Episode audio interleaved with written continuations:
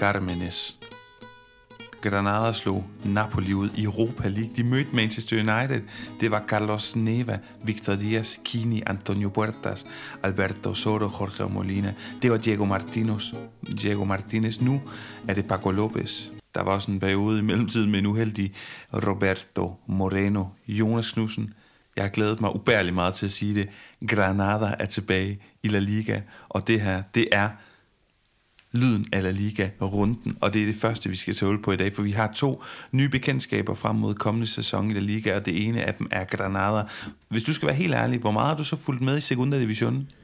Øhm, jeg, jeg følger med i Segunda Division på den måde, at jeg kigger tabellen øh, løbende øh, en til to gange om ugen, øh, fordi jeg ikke kan lade være, øh, og, øh, og derfor heller ikke kunne undgå at lægge mærke til den her sæson, at øh, den her topkamp øh, har været og er stadigvæk også, når vi, når vi kigger på, på placeringerne øh, nedenunder, øh, så, så var det fuldstændig vanvittigt øh, slutrace, og øh, ja, der er mange, der har budt sig til, øh, og som nu, øh, nogle af dem må ud i, i nogle uhyggelige playoff-kampe for, for at finde den tredje, tredje oprykker. Ja, nemlig. Altså, vi har haft bud som Eibar, Alaves, Levante, men det er blevet altså Granada som to førstepladsen, Jonas, og lad os bare nu, hvor vi er ved det ærlige, så lad mig bare sige, jeg har ikke set den eneste kamp fra dem i Segunda Division i den her sæson, men jeg er selvfølgelig glad for, at de er tilbage, fordi jeg jo jeg har den her kærlighed til byen, og, øh, og også til, øh, til klubben. Hvis du skal være helt ærlig, når du sådan har set, at de var på vej op igen, har du så mest tænkt, jeg er glad på Paulus vegne, eller er jeg glad for Paco Lopez, at få lov at se ham tilbage i La Liga? Øh, jeg, jeg er nok mere på, på Paco Lopez holdet. Jeg må sige sådan, uh, Granada, det er, øh, er et, en klub, der kun sådan for alvor har, uh, har uh, gjort mig, uh, fået mig op og, op at køre i, i de uh, ja, halvanden, to sæsoner der, hvor, uh, hvor, de, hvor de kvalificerede sig til Europa og, og havde et langt run i, i Europa. Uh, fordi man må også bare sige, hvis vi kigger lidt længere tilbage i historien, så, så, så husker jeg jo mest Granada for at være en del af det her øh, Pozzo, familien Pozzo øh, pyramidespil med, med mærkelige spillere, der skifter fra Watford og Udinese og kommer forbi Granada, og nogle forsmederlige nederlag til, til Barcelona og Real Madrid, og nogle, øh, ja, Øh, sådan nogle lidt mærkelige hold. Så har der også været spillere som Yusuf El Arabi og øh, Yassin Brahimi og øh, spændende spillere forbi, men, men det er de to sæsoner her med, med Diego Martinez, der, der, der, der har, jeg har hæftet mig ved i, i det her sidste år, og, men øh, Granada, hvis de kan få sådan lidt af det samme op og køre, som sidst de var op, og så med Paco Lopez, som vi jo kender fra, fra Levante, som han gjorde til et yderst charmerende bekendtskab i, i en lang periode øh, i La Liga, så... øh, så er jeg med på at, at glæde mig lidt til at se Granada spille i, i La Liga igen. Jamen, jeg, jeg er fuldstændig enig, og det er jo vigtigt for mig at, at sige, at selvom jeg elsker den her fodboldklub, så, så er det, så er det jo sådan, at, at det er Granadas øh, plads i spansk fodboldhistorie er relativt øh, lille, for ikke at sige irrelevant. Men øh, du, du siger det helt rigtigt, Jonas. En klub, som øh, man kunne øh, opsummere med navnet Yusuf El Arabi, indtil nærmest Diego Martinez kom frem og gjorde det fantastisk, øh, som vi har snakket meget om. Ham var vi op og køre over, så røg han til Espanyol, så gik det ikke så godt, og vi kan snakke mere om Espanyol senere. Men Paco Lopez, som du vigtigt lige får nævnt, grunden til, at ja, vi nævner hans navn til dem, der ikke måtte have fanget det, er jo, at at han var manden, arkitekten bag det her fantastisk spillende, underholdende, øh, offensivt tænkende Levante-mandskab, vi har roset meget i den her podcast øh, for ja, et par sæsoner tilbage, og nu kan vi håbe, at han kan gøre, øh, gøre kunsten efter bare med Granada. Men Jonas, vi skal også sige, øh, vi skal sige hej til Las Palmas fra Isla Canarias, fra de kanariske øer. Inden øh, jeg begynder at fortælle lidt om dem, så øh, vil jeg egentlig høre, hvad, hvad din tanke er om Las Palmas, som jo også er bekræftet kommende deltager i La Liga. Øh, jamen, øh, det, det er en ret stor ubekendt øh, for mig lige nu, fordi øh, det, er jo, det er jo helt klart et, et helt andet øh, projekt, et helt andet hold end, øh, end sidst de var op, hvor de var et yderst godt øh, bekendtskab, øh, spillede rigtig øh, god og underholdende fodbold, og havde også nogle, øh, nogle, nogle sjove spillere igennem undervejs, øh, Kevin Prince, øh, Boateng for eksempel. Øh, så hæfter jeg mig ved, kan det passe, de har øh, Jonathan Vieira løbende nu også, som også var en stor profil sidst og blev øh, historisk stort salg for dem, øh, da de solgte ham til, til Kina, lige på et tidspunkt også, hvor jeg mener, det var et lidt, lidt kritisk tidspunkt at gøre det på. Øh, men øh, det er altid, jeg, jeg kan altid godt lide, at, øh, at vi har begge øh, øgrupper, begge de store øgrupper, altså de kanariske øer ude i Atlanterhavet og øh, de baleariske øer i, i form af, af Mallorca repræsenteret i, i La Liga. Det, det kan jeg godt lide. Så, øh, så hele, hele den spanske geografi dækket ind. Ja, og det er netop rigtigt, det du siger med, at de spillede flot, det var Kike Setien, det var boldbesiddende, det var ja, virkelig teknisk fodbold, ekvilibristisk fodbold, og det her sindssyge mål, Kevin Prince Boateng scorer med de her fantastiske pasninger og kombinationer tilbage i den sæson. Og Jonas, det er jo noget, som, som en spillestil, som den her fodboldklub er kendt for helt tilbage i 50'erne og 60'erne og 70'erne, har man snakket om, at de kanariske øer og netop øh, Las Palmas, Union Deportiva Las Palmas, de, øhm, ja, de har været ønsket at, at, at bruge den her fodboldstil, og man har sådan øh, draget paralleller til øh, den her sådan lidt øh, brasilianske måde at leve strandlivet på, og det gode vejr, og det smitter af på fodbolden. Og for et par øh, uger siden, der kontaktede på Twitter en spanier, som bor i Danmark og er dansk gift, som har lavet en Twitter-konto, der hedder UD Palmas Fan.dk han kontaktede os i podcasten og sagde, at øh, fedt med podcasten, og han vil gerne hjælpe til. Så nu har vi fået endnu en til listen, Jonas, af det, vi kan kalde danske fans af spanske klubber. Og, øh, og jeg har været i kontakt med øh, den her Las Palmas fan, og han fortæller mig lidt om, øh, om klubben og holdet lige nu. Altså ungdomsspillere fra de omkringliggende øer har, har altid været fundamentet for Las Palmas, og i den her sæson har man snittet omkring 7-8 ungdomsspillere i starten af, øh, hvad hedder sådan noget, eller i startsopstillingerne. Der er jo træner Garcia Pimenta, der er tidligere Barcelona B-træner igennem over tre sæsoner. Øh, holdet snitter 70% boldbesiddelse. De har flest afslutninger i sekunder. Der mangler dog en angriber, der virkelig kan lave en masse mål. De var tæt på oprykning efter kun en halv sæson øh, ved roret øh, før den her sæson med Garcia Pimienta, så det har lugtet øh, godt i lang tid. De har en stærk defensiv. Halvdelen af deres kampe, der har de øh, fået et rent bur på papiret, eller hvad hedder det, til statistikken, og holdet har ligget i toppen af sekunda øh, fra start til slut den her sæson. Så nævner du Jonathan Viera, eller Vieri, og jeg vil så også sige øh, Sandro, den her tidligere Barcelona-angriber, som også er fra de kanariske øer. Han er også en spiller, vi skal holde øje med. Alberto Moledo, øh, Moledo som, som har fået sådan et, en etikette som den nye Pedri, og så en øh, anden kanarisk, øh, det er en forsvarsspiller, Saul Koko skal man lægge mærke til, og sådan en fantastisk historie om Kilian, som er en uh, ungdomsspiller, som har været ude i den sæson med lymfekraft, er kommet tilbage, har fået holdet til at spille endnu bedre, og han kombinerer helt magisk med ham og Jonathan Vieira. Så uh, ja, det var sådan lidt om uh, Las Palmas, og det lyder jo på det, som, uh, som vi kan forstå på den her Twitter-bruger, som om vi virkelig skal glæde os, Jonas. Ja, og øh, og, og det, det gør jeg også bare øh, sådan, øh, per øh, instinkt, når, når jeg ser Las Palmas komme op, øh, øh, fordi det bare er et favorit bekendtskab. Og hvis man lige skal sådan knytte sådan en, øh, en kulturel øh, forklaring, øh, som er sådan lidt nemt, nemt fordøjelig, hvis man ikke lige kender så meget til, til de kanariske øer, og hvad for en, en plads den sådan har i, i spansk historie, så siger man, hvis man, øh, hvis man kender til den øh, karibiske kultur, øh, Øhm, på de karibiske øer, øh, Cuba, øh, altså spansktalende øer selvfølgelig, Cuba for eksempel, så, øh, så, så siger man, at øh, både øh, accenten, måden de snakker spansk på, men også den her øh, øh, levestil med øh, dans og musik, den, øh, den stammer øh, delvis fra øh, Afrika, øh, sorte afrikanere, der har taget det med, øh, øh, deres kultur derfra ind i musikken og, og livet og hverdagen, og så øh, fra de, de kanariske øer, så der er sådan lidt mere øh, letlevende, øh, festligt måske end, øh, end de, de lidt mere øh, ildre, øh, temperamentsfulde øh, spanier inde på, på fastlandet, hvis man sådan skal, skal lave det sådan lidt fortegnet. Så derfor så er der altid grund til at glæde sig til, når Las, øh, Las Palmas de kommer op. Og også fordi der er jo mange danskere, der måske så får mulighed for at se en La Liga-kamp, når man, jeg ved, at mine forældre benyttede lejligheden til at se øh, Las Palmas øh, tabe 5-1 på hjemmebane til, øh, til Pione Sisto med Daniel Vass, og øh, til Celta Vigo med Pione Sisto og Daniel Vass på holdet, øh, øh, i sin tid i forbindelse med en charterrejse. Så det er også et, øh, et perspektiv, det åbner for, for sådan danske følgere eller liga. Ja, og godt den her kulturelle øh, øh, definition, øh, Jonas, eller sådan et eksempel. Så altså et hold, Las Palmas, der kommer op, de har en sund økonomi, de har en god træner, fansene er meget forbundet til klubben. Ungdomsafdelingen lover godt i fremtiden. Spillestilen skulle være rigtig attraktiv. Vi glæder os øh, til at følge med i dem og dække dem i kommende sæson sammen med naturligvis øh. Nu tager vi en breaker, og på den side den, så lidt om den her skæbnesvanger runde 37, hvad der skete i den, og hvad, hvad der mangler at ske frem mod sidste runde. Si tú me das, te invito a que dejemos todo un lado, que empieza la liga, yo sé que me dices que sí, Jonas, inden vi begynder på runde 37, så skal vi jo øh, quizze, og jeg kan faktisk ikke huske, hvis tur det er, men for en sikker skyld, så har jeg taget et kort med til dig, og det er jo fra det her brætspil Pondit, som er et øh, fodboldbrætspil, et quizspil, hvor man skal quizze hinanden.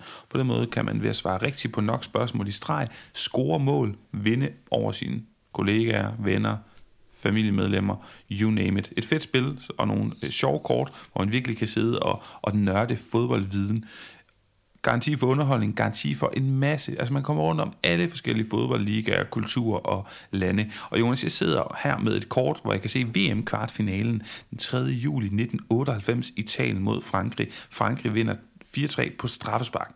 Og jeg kan konkludere, at der er flere af de her spillere, som har spillet i La Liga. Og jeg glæder mig lidt til at høre, hvor mange, du smiler, jeg glæder mig lidt til at høre, hvor mange af dem du kan hive frem. Jeg kan fortælle dig, at højrebakken og venstrebakken har hver især spillet i La Liga. Lad os prøve at starte der. Det, det er franske hold, ikke? Jo. Uh, Lilian Thuram er jo helt sikker på, fordi han markerede sig jo med to mål senere hen i, uh, i semifinalen, og, og var jo forbi Barcelona efter Juventus brød sammen midt i, midt i nullerne. Det er rigtigt. Så glæder jeg mig lidt til uh, venstrebakken her. Jeg kan, du kan godt få et clue, hvis du er helt lost. Nej, men det er, jo, det er jo den baskiske forbindelse, hvis ikke jeg tager helt fejl. Uh, nemlig sådan lidt overraskende, fordi man forbinder jo ofte øh, baskiske spillere med, med spanske spillere, men øh, ligesom vi øh, kender med Aymeric Laporte, som jo øh, endte med at spille for Spanien, men øh, lige så vel kunne have spillet for, for Frankrig, så gjorde Vicente Lizarazu sig øh, i en kort overgang for Atletic Klub, øh, mener jeg, øh, inden han øh, tog til, til Bayern, Bayern München, fordi han er fransk basker. Jeg er meget, meget imponeret, Jonas. Lad os se, om du kan øh, fortsætte. Det er rigtigt med Vicente Lizarazu. Vi har øh, en ja, stor flok midtbanespillere, og øh, lad os prøve at starte med, øh, med 10'eren og de to 8'ere. Ja, begge 8'ere har, øh, har også været i La Liga. Ja. Yes, jamen, øh, den ene det må være Emmanuel Petit, som var i Barcelona. Rigtig flot. Nu har du jo egentlig tre rigtige, men det går så godt. Skal du ikke jo. lige have lov at færdiggøre det? Altså, øh, Zinedine Zidane havde han kan, det var noget med, at han måske havde karantæne, men det var Zinedine Zidane var med i, øh, i den kamp her også. Det er rigtigt. Ja, og så, så mangler jeg så en 8. Og det bliver jeg lidt mere udfordret med. Er det en, der har spillet for Real Madrid? Det er det. Jamen, så må det næsten være øh, den, øh, den store, flotte Christian Karambø. Ah, men du er virkelig dygtig, Jonas. vi, vi, skal også lige, øh, vi skal også lige have en sekser med, og det er imponerende, hvis du kan have ham. Men ej, alligevel, ja, ej, jeg siger ikke mere. Han var forbi Valencia jo. Den gode, øh, nuværende franske landstræner Didier Deschamps. Ved du hvad? Og så ved okay. jeg ikke, om Thierry Henry også er blevet skiftet ind, hvis man skulle toppe den, men det ved jeg ikke, om kortet, om kortet fortæller. Det siger ikke øh, noget om det kortet. Det kortet siger, det er, at øh, det handler om den franske angriber, som var forbi Auxerre hele tre gange i sin karriere, samle, øh, samt korte visit i både Newcastle og Rangers i slutningen af 90'erne, og det er så Stefan Givard, eller Givard. Oh, ja, okay. Øh, det var et af de Men, mere Jonas, kort i Frankrigs VM-trup. Ja, det er jo det, men jeg, jeg har lige googlet, fordi jeg blev i tvivl om, og ja, der er faktisk en spiller mere på det her kort. Altså, du har gættet Thuram, du har gættet Lizarazu, Deschamps, Carambeu, Petit og Zidane seks spillere, men der er faktisk en syvende spiller, der har et kort, og som jeg husker det ikke så godt at holde i spansk fodbold, det er i 96-97 sæsonen. Han er en ah, central ja. forsvarsspiller. Det er Laurent Blanc, der var forbi uh, Barcelona, inden han tog, så tog han vel nærmest til Manchester United derfra, eller måske noget PSG i mellemtiden eller sådan noget, men uh, ja, ærgerligt, fordi en elegant forsvarsspiller, der, der vil have passet fint ind i, i Barcelonas historie, hvis man, uh, hvis man sådan skulle skulle drømme lidt. Ved du hvad? Jeg, øh, jeg, jeg, jeg hedder det kippe med hatten, eller bukke med den? Det, det hører jo øh, kippe med hatten, det må du gerne gøre. det hører jo med, at, at 98 er sådan det første VM, jeg kan huske sådan perifært, og jeg kan huske at sidde og kigge i de her øh, Panini-albums, og, og kunne især hele den brasilianske trup øh, med, øh, med alle de her navne, der var nemme at huske, Romario, Ronaldo, Ronaldo øh, Rivaldo osv. Så, øh, så, så øh, der i forklaringen Jamen ved du hvad, meget, meget imponerende. Og øh, til lytterne, udover at det, det forhåbentlig er sjovt at sidde og gætte med, så kan I jo overveje at få alle de her kort sendt hjem til jer. Gratis levering, fri fragt og altså 100 kroners besparelse på det her brætspil ved brug af øh, den her rabatkode LYDEN20, L-Y-D-E-N 20. I er rigtig mange efterhånden. Procentvis af vores lyttere, der har benytter sig af den her rabatkode. Det er rigtig dejligt, fordi vi jo også får 100 kroner tilsendt af Pundit for hver gang I, øh, I gør det. Jonas, lad os komme tilbage til La Liga runde 37, hvor vi øh, jo øh, havde alle kampe spillet samtidig søndag. Undtagen den ene lørdagskamp Sevilla mod Real Madrid, som Real Madrid på udebane vandt 2-1 på to mål af Rodrigo Gois. Søndag der fik vi altså Valencia Espanyol 2-2. Martin Brathwaite, han havde bragt Espanyol i front, tættere på øh, nedrykning og Samulinos mål i overtiden, der sender Espanyol ned, og det er kæmpe drama, vi snakker om, øh, snakker om lige om lidt. Øh, Cardis mod Celta blev 1-0 til Cardis. mega vigtig sejr, men de sender til gengæld Celta ret længt ned i dybet, og Cardis, de er heller ikke helt sikre endnu. Atletic Klub mod Elche, den blev selvfølgelig 1-0 til Elche, der er for længst dernede. Så havde vi Girona mod Betis. Betis, der vinder øh, 2-1 på udebane. Retafe mod Sasuna. La Bordaleta José Bordalas, der øh, sikrer en sejr her. Den her tilbagekommende mytiske træner, og stadig meget, meget vigtige tre point for Retafe, men de er stadig heller ikke 100% sikre på at overleve. Barca mod Mallorca 3-0 i et stort sådan øh, farvel-ceremoni på Camp Nou, det kan vi komme tilbage til lige om lidt. Atletico Madrid, de øh, vandt over Real Sociedad 2-1. Almeria var lidt 0-0 på trods af, at Almeria klart var bedst og havde fortjent en sejr, og Rayo vandt 2-1 over Villarreal. Jonas, lad os starte på, F, øh, på Barcelonas øh, stadion Camp Nou, hvor at det var en stor aften, øh, flotte øh, ja, mål, øh, generelt god stemning, masser af arrangementer, masser af øh, god stemning, tårer, der var plads til alle følelserne, farvel, ceremoni og flotte ting, der var arrangeret. Man skulle både sige farvel til Camp Nou, som man ikke ser indtil minimum efteråret 2024, og så altså øh, skulle man sige farvel til Jordi Alba og Sergio Busquets. Hvilke af de tre farveler synes du, øh, der er vigtigst at snakke om? øh, det er jo nok i virkeligheden øh, farvelet til, til kamp Nu, fordi øh, de to andre, øh, Busquets har vi jo øh, snakket om for, for, for noget tid siden, øh, vi vidste godt med begge de spillere, hvad retning det pegede i, og at hvis de forlængede deres kontrakter nu, så vil det være også med, med, med mindre roller, end de har haft. Jordi Alba har jo allerede den her rolle, øh, eller den her sæson haft en, en vældig formindsket rolle i forhold til, hvad vi har været vant til, hvor han bare har siddet øh, jo i nærmest, øh, ja, han, hvad har han været der, 10-11 år, øh, siddet fast på den her øh, venstre bak, lige siden han kom tilbage fra, fra Valencia. Øh, så, så det her med, at Barcelona skal væk fra kamp nu, nu i en periode, og at øh, det her absolut ikoniske stadion, som jo ikke kun er øh, ikonisk øh, i fodboldøje med, men jo også er et, et billede, man ser øh, bryde turistplakater på øh, en af verdens bedst besøgte øh, byer øh, i, i turistregi, det, at den får en, øh, et helt nyt udseende. Det er noget, der kommer til at, og, øh, ja, og, at tage lang tid for mange at vende sig til at se kamp nu i en anden beklædning, og med, øh, med de her, også det her ikoniske med, at den, den har forskellige højder i siderne, og det her klidende øh, gang over til, til, den, til det øverste afsnit øh, på den ene side, at, den bliver, at, at kamp nu kommer til at ligne andre fodboldstadions lige pludselig. Det, det, det synes jeg faktisk er en ret, ret stor ting, og, øh, og jo også det, at de så skal være væk og spille på Montjuic, som øh, også bedaget La Liga-seere godt kan huske at have set mange øh, kampe med Ivan de la Peña for øh, Espanyol øh, for, men som ikke er et øh, rigtig godt fodboldstadion, og der er også en grund til, at Espanyol brugte rigtig mange penge på at bygge et nyt stadion, så det bliver, det bliver sære tider for Barcelonas hjemmepublikum.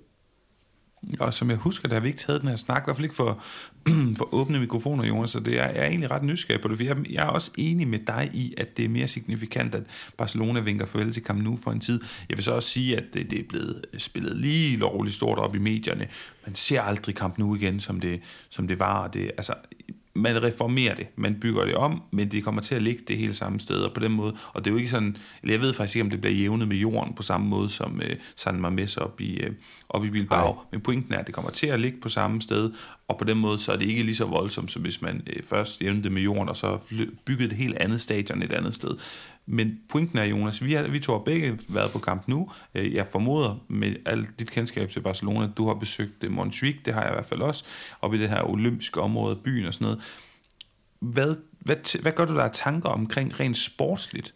Rent sportsligt, hvad kan det her få af konsekvenser eller betydning? Lad mig lade være med at lave det så negativt lavet. Hvad kan det få betydning for FC Barcelona? Fordi Jean Laporte er ude og sige, hey, hvad sker der? Øh, øh, hvad hedder det? Sæsonkortholderne melder ikke retur, at de vil have pladser i kommende sæson på Montjuic, og øh, man bliver nødt til at gøre det billigere og mere attraktivt for dem at komme, og mange melder tilbage, jamen vi hopper bare over det her år, og så fortsætter vi på det nye stadion. Der er sådan en lille smule, oplever jeg, dårlig stemning som jo ikke giver mening i FC Barcelona-lejren lige nu, hvor der ellers har været så god stemning den her sæson, og så stor opbakning.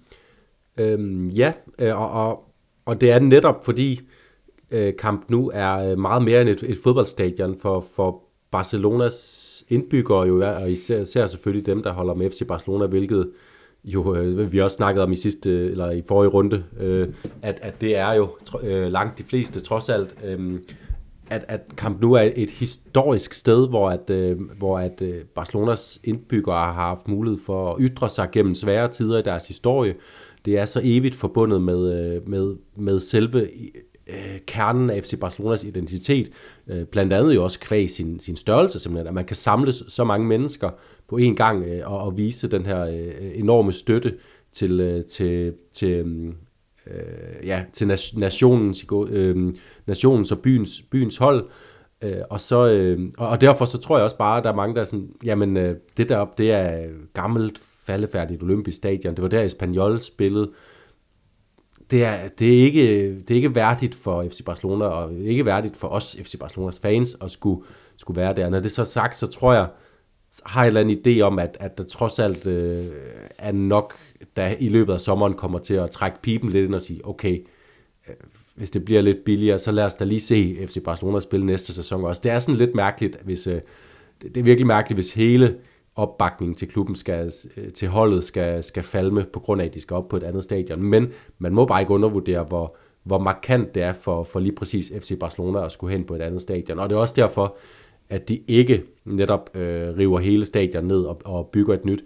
De, de reformerer det, de, de river lidt ned her og bygger op der, for at tage henover og giver det en ny skal, øh, så det kommer til at se flot og moderne ud. Øh, men øh, kamp nu kan man ikke tage væk fra, fra FC Barcelona, og det, det viser det også bare med al tydelighed her, at det, det er svært at, at lokke dem væk. Ja, det er et ikonisk fodboldstadion, og ikke mindst på grund af kapaciteten, som du også siger. Altså 100.000 mod Montjuic, hvad, hvad ender vi op med? Omkring 40 er det sådan noget i den dur? Så det bliver også interessant at spekulere i. Nu sidder jeg jo bare lige, vi, vi er alle sammen enige om, at, at hvad hedder sådan noget, det som Xavi og hans Barcelona-mandskab, de mangler bevis, det er, at de kan gøre sig gældende på den store europæiske scene. Og jeg sidder bare lige og spekulerer i sådan et, et billede af, at man møder et Bayern München-hold, eller ja, hvad ved jeg, PSG, who knows, i en 8. finale i Champions League, og man skal bruge et resultat på hjemmebane. Man, man skal måske lave en remontade, man skal komme tilbage efter at være bagud med et par mål. At man så sådan skal altså forestille sig det her, de her tv-billeder, transmissioner ned fra, fra Montjuic-stadionet, og skulle forestille sig, at Barcelona på en eller anden måde kan, kan kanalisere en, eller anden, en form for stor støtte fra lægterne, ja, det er da i hvert fald nemmere at forestille sig, hvis det var foregået på kampen nu. Men tør du spekulere i, Jonas, at det får sportslige konsekvenser der? Der, der, er en, øh, der er et stadion med en øh, løbebane, der er færre mennesker, som vi, øh, som vi har snakket om tidligere. Øh, ja, jeg tror, jeg, jeg tror, vi vil... Jeg, jeg tror, der er en risiko for, at vi kommer til at, at kunne se FC Barcelona være nemmere at have med at gøre på hjemmebane. Og, øhm, der er jo også alt det her med, for FC Barcelonas spillere, altså en del af hjemmebanefordelen, når man snakker i fodbold, og det, det er i hvert fald især alt det, altid det, man hører fra, fra, fra tidligere fodboldspillere, når de får spørgsmålet. En del af det er selvfølgelig stemningen, at den er med en, men det kan egentlig lige så godt gejle et, et, et udebanehold op til at øh, levere mere, fordi stemning er stemning. En, en del af det, det det her med de vante rammer, kommer ned i sit eget omklædningsrum, ved hvor tingene er. Øh, man er, kommer ind i et, et, et mentalt rum, hvor man er vant til at vide lige præcis, hvad man gør, hvornår man går hvorhen, hvordan man, øh, hvad for en køretur man har hen til stadion, og sådan hele det her aspekt, det kommer Barcelona til at, at miste. Det bliver ikke deres øh, hjemmebane. Så hurtigt øh, kan man ikke finde sig til rette øh, på den måde, som, øh, som en hjemmebane, øh, som man kan på en hjemmebane, man har over mange år. Så ja, jeg, jeg tror, det kan gøre, at, øh, at udhold kan få øh, kan, kan have en, en noget større chance for at lave overraskelsen øh, på, i, i Barcelona næste sæson. Okay, modtaget. Jamen, øhm, nu var det egentlig ikke meningen, at det skulle handle frygtelig meget om FC Barcelona i dag, men jeg var lige nysgerrig på din holdning til de her ting og dine perspektiver i det. Jonas, har du andet på FC Barcelona? Skal vi forbi Jordi Alba, Sergio Busquets? Er der et eller andet, du vil øh, med, Øh, have med ind i, i snakken, inden vi hopper videre til nedrykning og Conference League? Nej, jeg synes jo, øh, Busquets fik vi lukket meget godt ned øh, sidst eller forrige gang, øh, så, så det kan man høre der. Øh, Jordi Alba kunne vi da godt lige være det i nogle ord, fordi han er trods alt øh, en stor skikkelse, som, øh, som også har vundet øh, det hele, der er værd at vinde med, med FC Barcelona øh, og Spanien øh, for den sags skyld. Øh, jeg synes jo, han, øh, han har været en fremragende spiller for Barcelona i ufattelig lang tid, og også perioder, hvor han har været udskældt, synes jeg, han øh, konstant har holdt et, øh, et højt sportsligt niveau lidt som man kan sige med Sergio Busquets, også så får øh, Jordi Alba nok ikke lige frem sådan en æresrunde øh, rundt i La Liga, fordi han også har øh, den her øh, side med at være provokerende. Han er en spiller, som modstandernes fans har meget svært ved at holde af, og jeg ved også, altså stort set alle, der ikke holder med Barcelona, de synes, han er en kende irriterende øh, at se på, men hvad man ikke kan tage fra ham, det er øh, hans fantastiske speed. Nej, hvor har han øh, reddet Barcelona for mange øh, omstillinger imod sig sådan i sidste øjeblik med sin fart, og øh, hans fantastiske overblik og venstrefod til at finde ikke mindst øh, øh, Lionel Messi, som vi bare så igen og igen, og jo især faktisk de sidste 3-4 år af Messis karriere i Barcelona. Nu vil vi se, om han, han kommer tilbage, men de sidste fire år af Messis øh, Øh, tid i, som Barcelona-spiller indtil videre, der var Jordi Alba hans primære kilde til, øh, øh, til mål, simpelthen. Og, øh, og det er jo trods alt noget at tage med sig på, øh, på pension, eller fodboldpension, eller hvor han nu skal hen, Jordi Alba. Mm. Ja, jamen, øh, hvis jeg skal supplere lidt, Jonas, øh, så kan jeg næsten finde på at sige, jamen, har vi set en mere, en dygtigere, øh, altså vensterbak offensivt, i det offensive facetter af spillet i de sidste 15 år? Det kan da godt være i tvivl om. Altså, mange vil måske pege på Marcelo, ja. og så vil sige, ja, Marcelo i de store, i de vigtige kampe i Champions League, der vil jeg have mere tiltro til ham end, end Jordi Alba, men så kommer det tilbage til det der med, med at være konsistent, altså at levere kontinuerligt på et højt niveau, og der var Jordi Alba, der var fra den ene runde til den anden i La Liga igennem, ja, siden skiftet i, i 12. Jeg synes, udover de ting, du siger, jeg er meget enig i i forhold til ham som fodboldspiller, så vil jeg, øhm, så vil jeg også fremhæve ja, hans indlægsfod. Du siger det selv, en god venstrefod. Holdt op, hvor han slået mange flotte indlæg ud fra øh, venstresiden, og i mange sjove positioner. Ikke altid sådan det der med at komme løbende ind i en, i en hård bold og slå den ind første gang. Han kunne godt sådan lige stå og chatte lidt med den, og så lige, du ved, lige under foden, så lige dreje den 20 cm til venstre, og så bare slå den helt perfekt ind i panden på en eller anden. Udover de her cutbacks, du nævner, han kunne løbe i dybden selv enormt. Jeg har altid tænkt, hvor er det fantastisk, hans evne til at løbe i dybden ja. som vensterbak. Det har været en trussel i bagrummet. Fantastisk der. Øhm, jeg kan godt tænke, både med Busquets og ham, at det kan være fornuftigt for FC Barcelona at skifte ud på de her positioner. Ikke kun på grund af økonomien i deres usandsynligt høje lønninger, men også fordi, at de måske ikke er kompatible med den måde, Barcelona skal, skal tilgå, øh, hvad hedder det, fremtiden som fodboldhold. De skal være måske mere fysiske, mere dynamiske, mere omstillingsparate, hvad ved jeg. Øh, I hvert fald måske have et, et pres, der kan, der kan hvad hedder det, gøre sig på den øverste europæiske hylde, og det er jeg ikke sikker på, at øh, de to aldrende Spanien, de har i sig. Og så vil jeg altid huske, jeg kan ikke huske i hvilken forbindelse jeg snakkede med Danilo Arrieta om det, men han fortalte mig, at han er gode venner med Jordi Alba, og, og, og dengang, at Jordi Alba skiftede til Valencia, så, så havde han det svært, og han havde hjemmevæg, og han havde en skrøbelig mentalitet, og det er noget, som, som Danilo har hjulpet ham med, og sagt, men jeg havde også hjemmevæg, da jeg skiftede til Valencia, og det skal nok gå. Og jeg ved godt, det er meget søgt, men jeg har bare tænkt på den der lidt porøse mentalitet, fordi det har vi også set fra Jordi Alba senere i, i, i karrieren, det der med, ja, nogle gange at være lidt opgivende, eller forstår du, hvor jeg vil hen, Jonas? Øh, nogle gange også i de europæiske kampe, når man så er bagude, så har han ligesom ikke, så har man set sådan nogle lidt uheldige billeder, hvor han sidder og græder i omklædningsrummet ved halvleg, i stedet for sådan at, du ved, at have sådan lidt mere en, en indstilling af, nu går vi sat med ud og øh, vender det her. Ja, han, han, han er, har ikke sådan fremstået som den mest konstruktive spiller, øh, og sådan på det på flere niveauer, både når, når tingene har været ved at komme op og koge, så er det ikke ham, der har fået holdet tilbage på, på rette spor. Så, så bestemt ikke nogen øh, anførtype. En, en spiller, man skal, øh, hvor man helt klart skal lægge vægt på, på fodboldevnerne, når man, øh, når man kigger tilbage på, på karrieren i, i modsætning til Busquets, som i, uden, uden jo også heller at være den her store øh, Øh, leder, som man kommer til at huske for hans øh, vokale lederskab, øh, øh, så, så er det spillere, man, man mere skal huske for deres fodboldmæssige bidrag, som på hver deres måde har været øh, suverænt. Jamen øh, med det, så af vejen, så synes jeg, at vi skal snakke om, øh, Jonas, om Conference League og hele situationen omkring den her syvende plads. For de andre ting er jo øh, cementeret. Vi ved, hvem der bliver nummer 1 til øh, 4, hvem der får Champions League-pladserne i hvert fald, og vi ved, hvem der får Europa League-pladserne. Og inden vi går til nedrykningsting, så lad os lige snakke om den her syvende plads. Vi har snakket om de hold, der er i spil jo, altså Atletic Klub og Osasuna, og Girona og Rayo og Sevilla mangler jeg nogen. Det tror jeg ikke. Øh, jeg tror, Mallorca anyways, får svært ved at nå det. Det, det skal være noget mærkeligt matematisk. Og det, det, det er også lidt sjovt, når man kigger på runden, der er gået, Jonas, fordi Osasuna, som lige nu har, ligger på syvende pladsen, og jo altså bare skal vinde næste kamp for at sikre sig at komme ud i Europa, det vil være stort for dem, jamen de tabte i den her runde. Atletic Klub, der ligger lige bagved og kunne springe over, jamen de tabte også. Og Girona tabte også. Så det er, det er sådan lidt, øh, Sevilla de tabte også. Altså det, det, det er lidt håbløst. Men i hvert fald, lad mig lige prøve at opsummere hele situationen, som det ser ud lige nu. Jeg sagde det, Osasuna har det i hånden, de har 50 point. Øh, det har øh, Atletic Klub også, men Osasuna er bedre end Atletic Klub indbyrdes. Så vinder Osasuna, jamen så har de den, eller får de lige så mange, eller hvad hedder det, ja, så er der så det her scenarie, at forfølgerne efter Osasuna og øh, Atletic Klub, som har 50 point hver, det er Girona, der har 49 point, så har Rayo 49 point, og så har Sevilla 49 point. Og det er også den måde, de er mest, øh, hvad hedder sådan noget, de er rangeret i forhold til indbyrdes. Så hvis de ender af point, Girona, Rayo og Sevilla, så er det Girona, som øh, får syvende pladsen. Hvis Rayo og Sevilla ender af point, så er det Rayo, som får syvende pladsen. Og næste runde er det jo, det bliver sindssygt spændende. Sidste runde i La Liga, Osasuna de skal spille mod Girona, altså på en eller anden måde et Conference League opgør der. Og som sagt, vinder Osasuna, jamen så har de den her syvende plads. Atletic Klub, som er nærmeste forfølger, jamen de har bare lige Real Madrid sidste kamp på Bernabeu. altså også lidt spændende, fordi hvad er det for en forfatning, Real Madrid kommer i?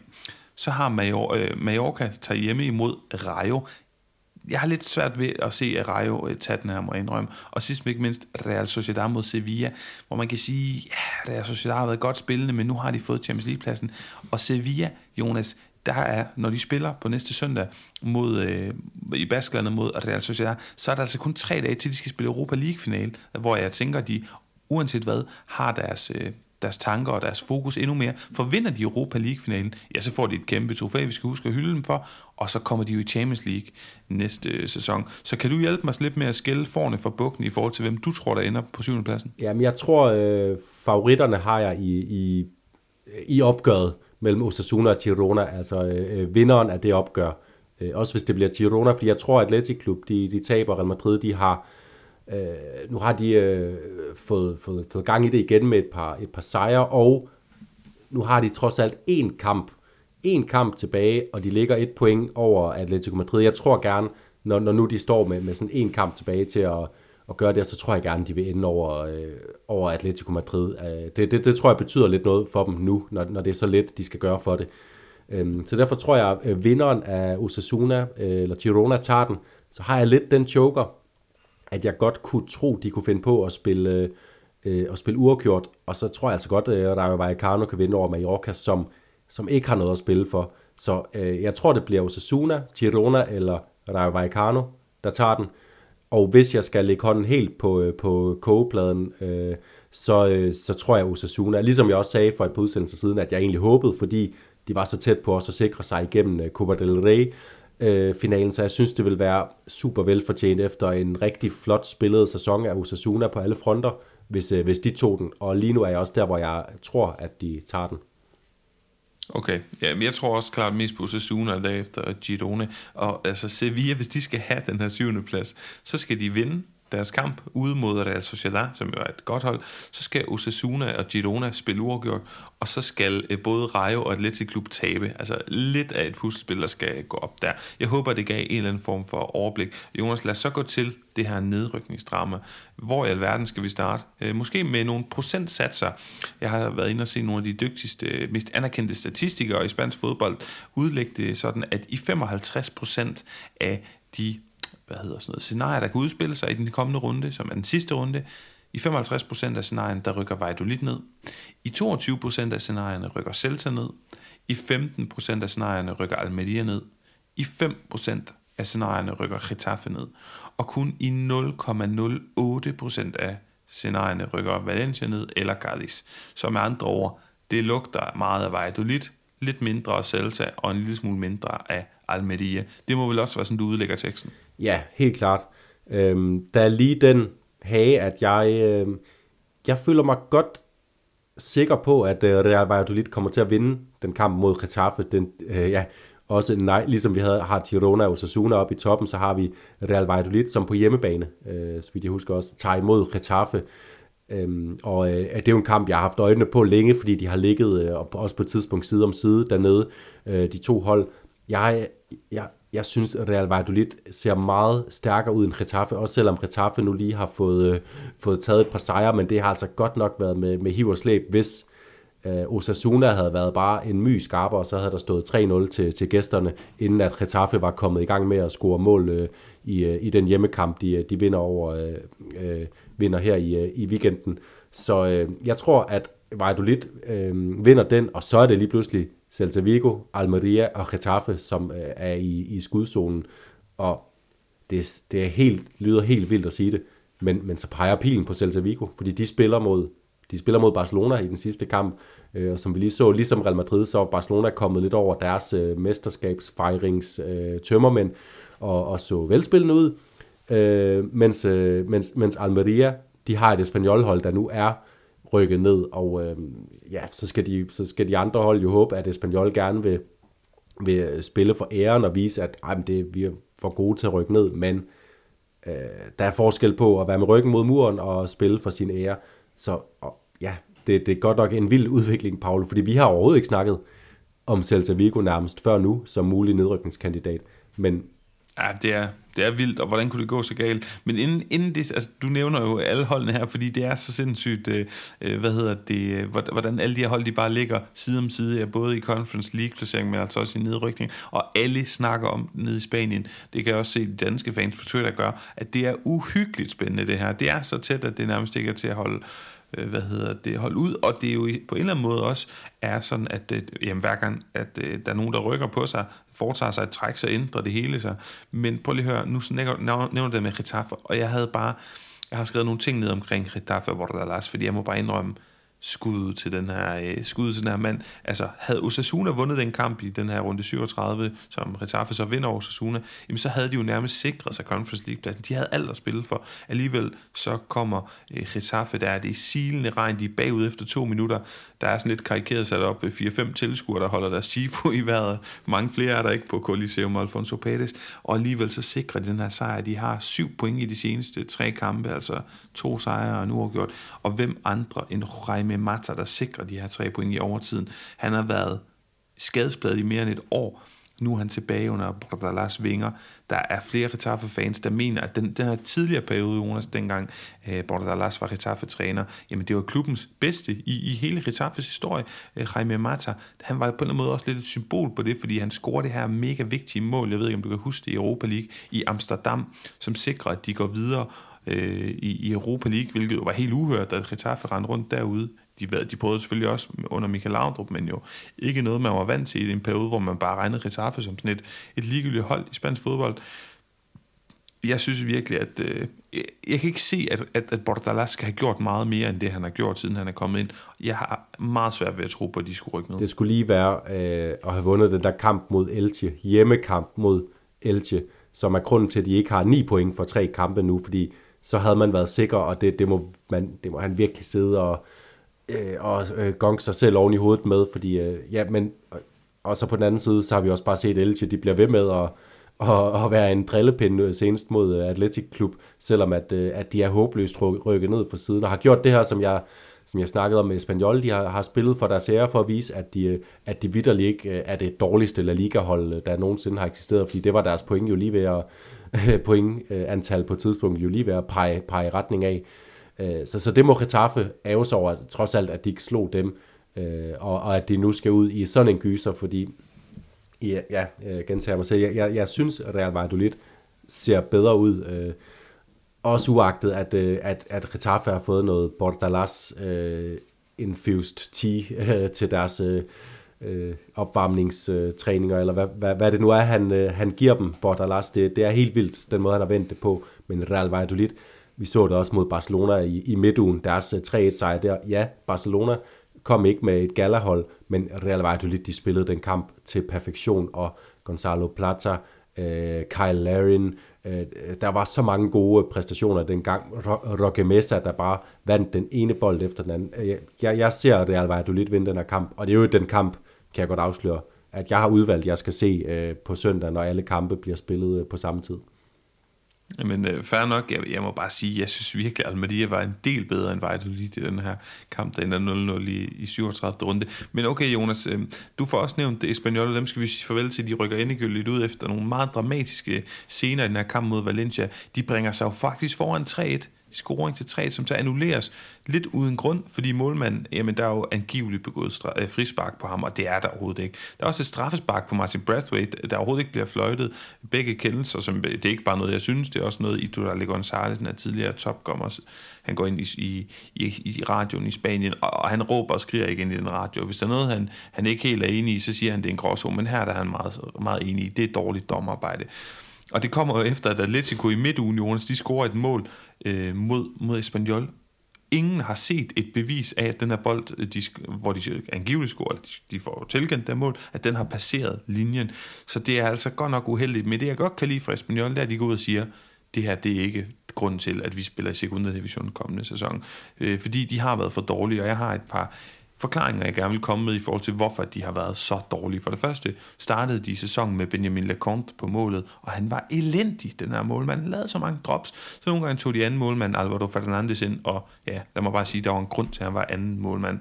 Og det er jo lidt sigende, at øh, Valencia får et mål i den her kamp, netop ved dårlig målmandsspiller Fernando Pacheco, der er kommet ind i vinter, så har været god, men sigende, at det er dårlig målmandsspil, der skal få dem uh, ja, ud på glat føre. Diego Martinez stort trænernavn, der kommer ind, men han var sur over manglende forstærkninger, og det kan han have noget ret i. Desuden så har han bare ikke været god nok, Jonas, øh, så de måtte jo de måtte fyre ham, og så de hentede en meget uerfaren træner.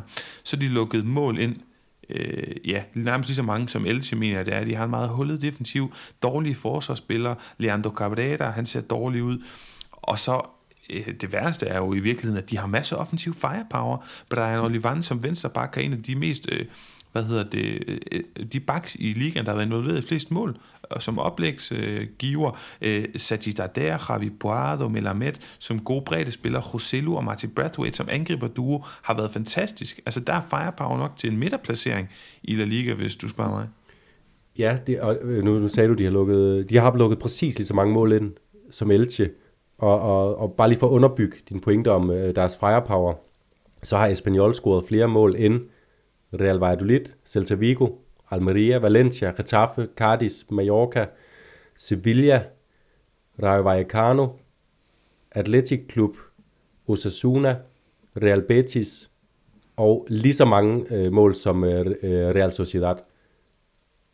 Øh, så, så, peger pilen, øh, så peger pilen i den grad øh, på øh, en bagkæde og en, øh, en, en målmand, øh, Øh, målmandspost, som har været ustabil, fordi øh, de, har, de der Rosello, Brathwaite, Javier Puado, Nico Ribaudo, Melamed, øh, øh, Sashi der, de har gjort alt, hvad der stod i deres magt for at holde den her øh, skud oven vande, men øh, de har ikke modtaget nogen som helst hjælp fra øh, øh, nede bagfra, øh, og det er, det er bittert. Ja, og det er, det er en stor klub, det har vi så snakket om mange gange. Så farvel til dem, det har været, øh, ja, det har ikke været godt nok. Jonas, hvem fik vi ikke snakket om på vejen her? Cardis. Cardis, fordi de så stort set er reddet. Ja. Mega vigtig 1-0 sejr. Og jeg synes egentlig, det er en af de eneste grunde til, at de fortjener at blive La Liga, udover at jeg har andalusisk ophav og godt kan lide at komme ned på de brede grader det er simpelthen deres fans. Der er fantastiske billeder af fansene, som virkelig skabte en kulisse og en opbakning før den her kamp. Og jeg synes, Cardis var klart bedre end Celta i den her kamp. De havde flere chancer. De scorede også endnu et mål, ud over det her 1-0-mål, som så godt nok blev annulleret.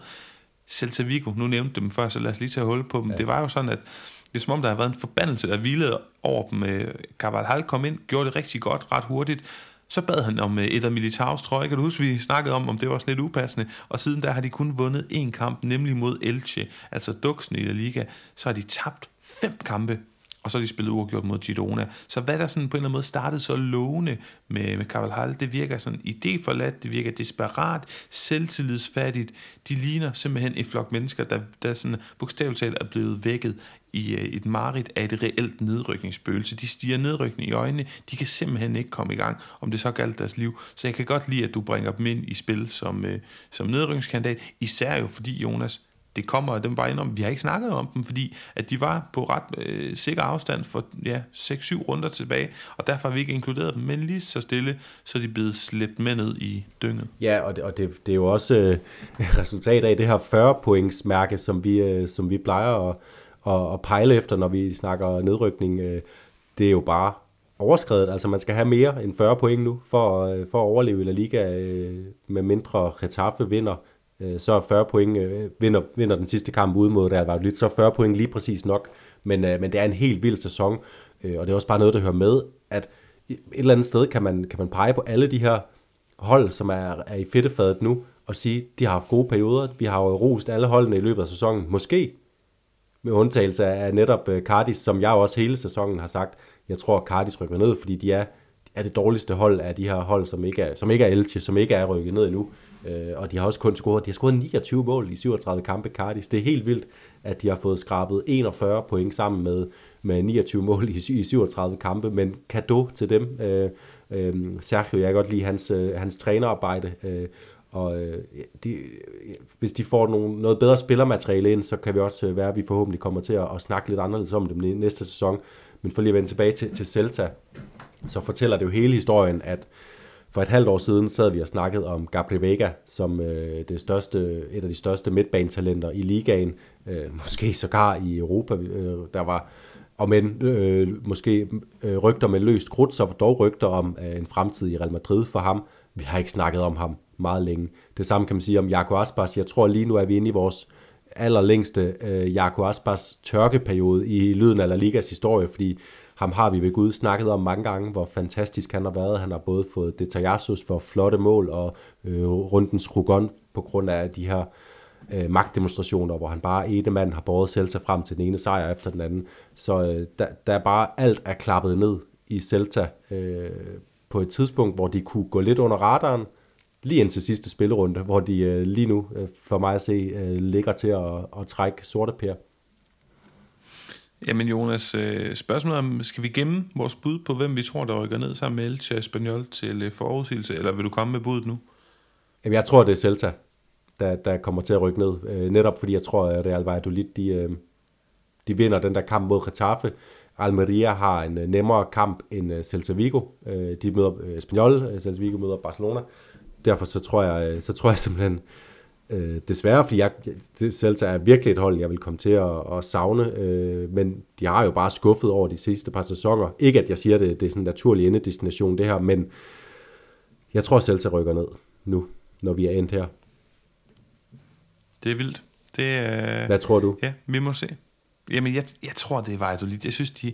Altså, Paolo Pezzolano, han kom ind der, navnebrugeren, sørger for, at de får scoret en masse mål, alt for godt, og så går det, går det bare fuldstændig ned og bakke efterfølgende, og de har været pivsløje øh, ja, i en lang periode. Men det er selvfølgelig rigtigt, de smadrer Barcelona der, det, det, og der er jo mange ting, man ikke kan forklare, men det er jo hele den her dynamik, og det ved lytterne godt, så det behøver vi ikke dvæle for meget ved, men at så er Barcelonas øh, rolle udspillet, og så er deres øh, niveau holder ikke nærmest ikke til sekunda, og det samme med Real Madrid. Altså, der sker jo nogle ting i forhold til, i, i hvor høj grad motivationen er en faktor eller ikke er en faktor, øh, om hold har udspillet deres rolle i, øh, i, i sæsonen. Så ja, jeg kan godt... Øh, jeg kan godt have svært ved at forklare nogle af de her ting, netop hvordan Celta er gået i stå, eller Valladolid lige pludselig gik i stå fra, har været inde i, i hvert fald noget, der lignede en lille opblomstring under, øh, under Paolo Bettolano, men jeg tror stadig på, at det bliver Valladolid, Jonas. Det kan jo være, se, at Barcelona er ekstra modtagelig over for, øh, over for sorte kufferter i, i de her tider, hvor, hvor de godt kunne bruge lidt på, på kistebunden til at,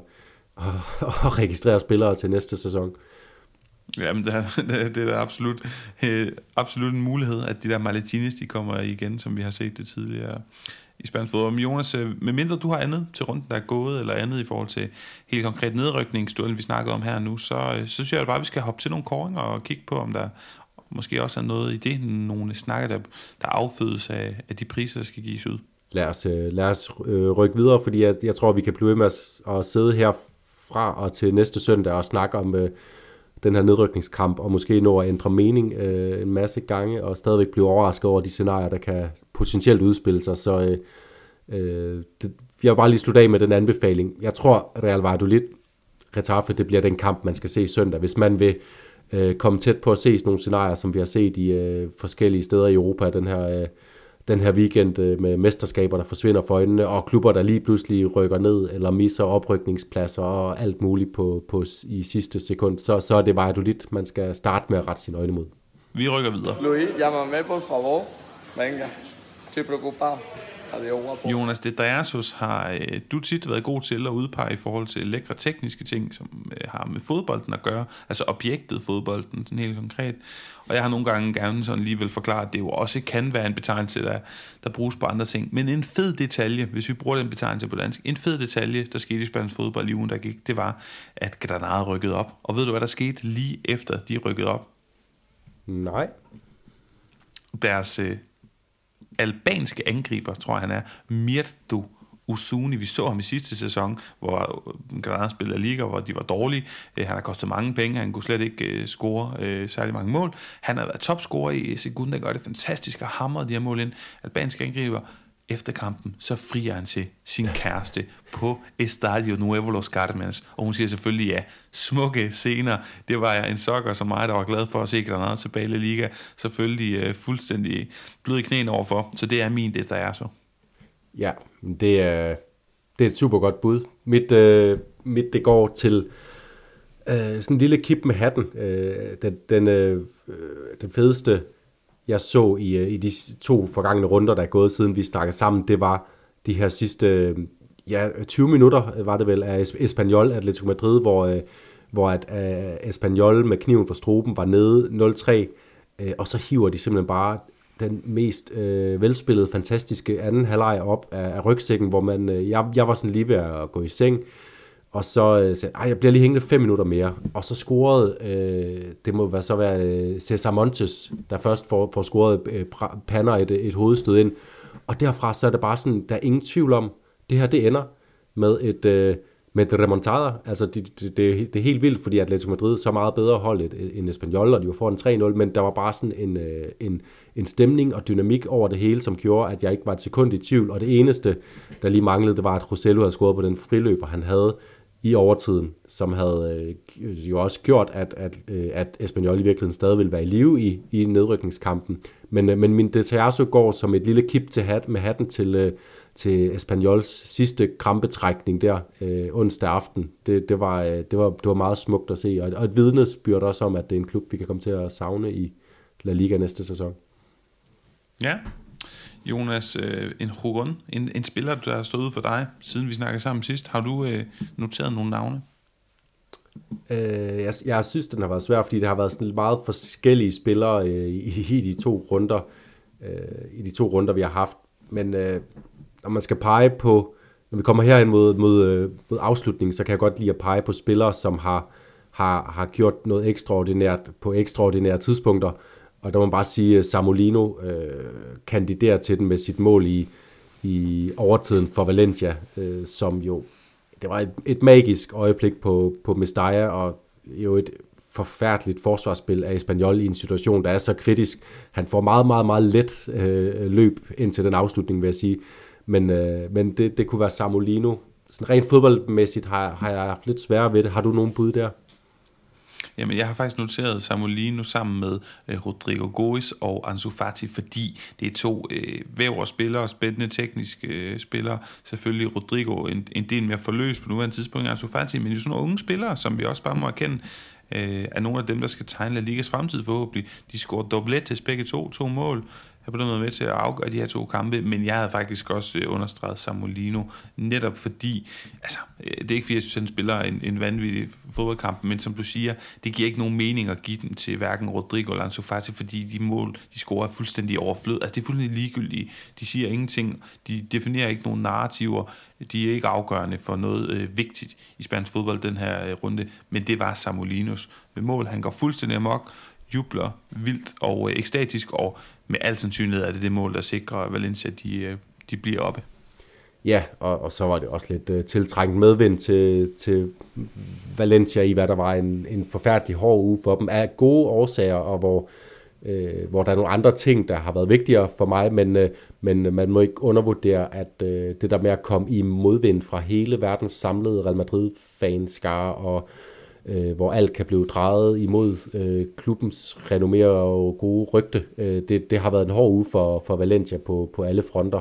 Så øh, det, det, var et, øh, det var et skønt øh, katarsis-øjeblik for hele Valencia og for Samolino ikke mindst, som jo har haft en dårlig periode, den dårligste periode i Valencia op til det her øh, øjeblik, op til den her kamp. Øh, så øh, så det, det, det synes jeg var et, øh, et en rugon værdig. Jonas, en positiv og negativ historie for, øh, for ugen, der er gået i spansk fodbold. Lad mig starte med min negative Sergio Rico, den tidligere Sevilla-målmand, øh, nu PSG-målmand. Han har været nede omkring øh, Rocio i Malaga, hvor der har været øh, nogle hestearrangementer. Han er reddet på en hest, han er faldet af, og han har fået et kraniebrud, og han er faktisk seneste nyt ligger hospitali, hvad hedder det, hospitalisado, kan man sige hospitaliseret? Det kan man ikke på Indlagt, indlagt, vil jeg bare øh, sige. Han er indlagt og, øh, og desværre øh, uden for bevidsthed, kritisk tilstand, øh, mange tanker til ham.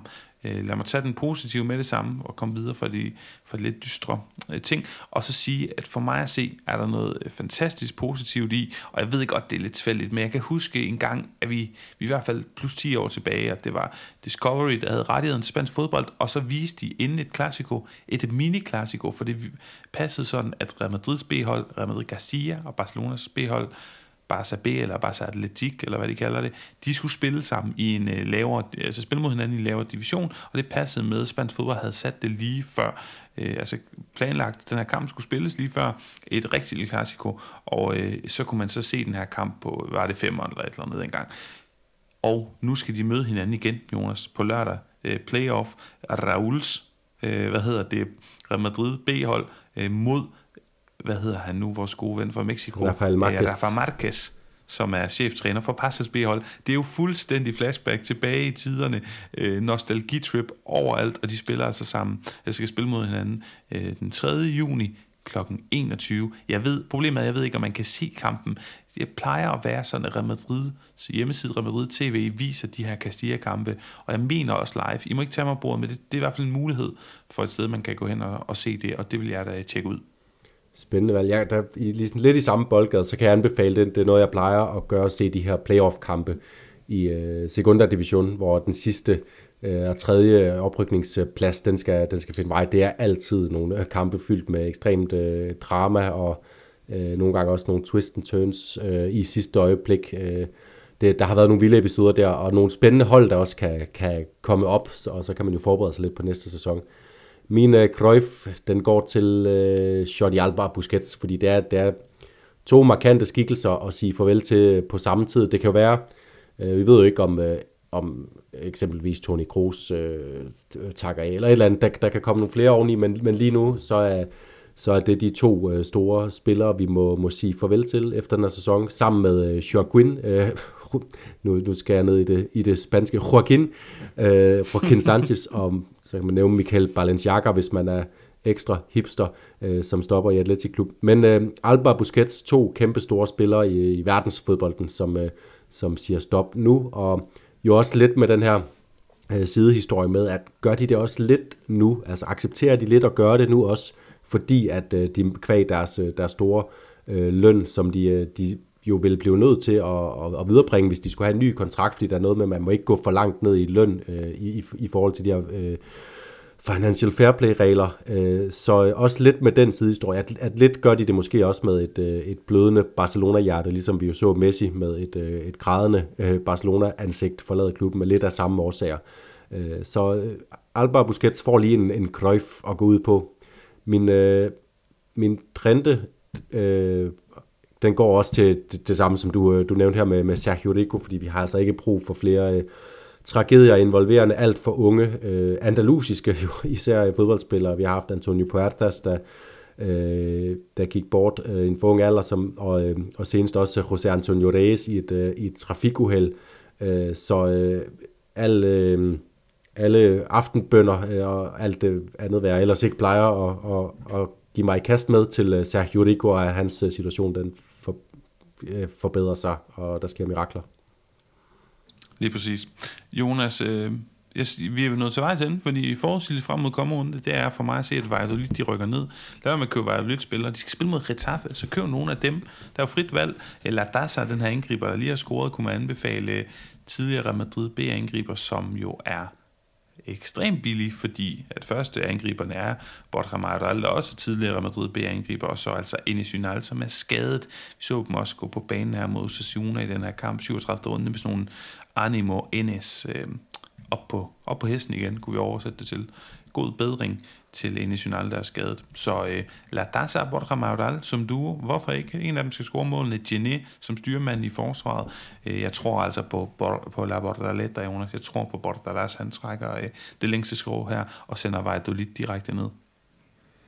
Jamen, det er jo spændende, fordi at... Øh min forudsigelse er, som, ja, som vi har været inde på, at øh, Real Madrid trækker det længste strå i den her kamp, og der vil jeg da pege på en vis... Øh, øh det, det er nærmest en af de hurtigste, øh, Øhm, øh, det, det hurtigste transformationer fra øh, ny indkøbt ukendt spiller til kæmpe lokalhelt og mest overraskende sådan en, en kanadier, øh, Kyle Laren, der kommer til øh, den kastilianske højslette, og bare fra den ene dag til øh, den anden er øh, den største held i, i Valladolid. Han kommer, til at, han kommer til at gøre det, og måske i overtiden eller et eller andet. Ind med ham på holdet, han kommer til at score, lægge op et eller andet øh, afgørende i, i den her kamp. Og så for os at, at lægge min forudsigelse et sted, hvor det virkelig har betydning, så tror jeg, som jeg sagde, at Osasuna kommer til at tage den her Conference League-plads, og øh, der kunne man passende se uh, David Garcia stige til værs øh, og, og præske et af målene ind. Alternativt øh, gøre det, som er svært for rigtig mange lige nu, øh, hjælpe med at holde nullet i en kamp mod Girona, som er evigt farlige, men David Garcia og Aridane, jeg tror, de kan, jeg tror godt, de kan hive Osasuna det sidste stykke over målstregen i den her øh, historiske sæson for deres vedkommende. Godt. Jamen, øh, så tror jeg da efterhånden, Jonas, at øh, vi er nået vejs ind. Så øh, vi smutter i, på hovedet i seng efter sådan en late night optagelse. Det var det, der lige kunne lade sig give sig. Og så er vi tilbage med en øh, runde gennemgang af sidste runde. Og så briefer vi jer der, hvad der kommer fremadrettet af sæsonnedtagt, og jeg skal komme efter jer. Men for nu er der ikke andet at sige end tak, fordi I lyttede med. Tak fordi, at øh, I eventuelt overveje at købe der brætspil, hvis I ikke har gjort det allerede. Send øh, koden og linket til en, en ven, der kunne være nysgerrig og interesseret i det, så vil vi altså blive øh, rigtig, rigtig glade.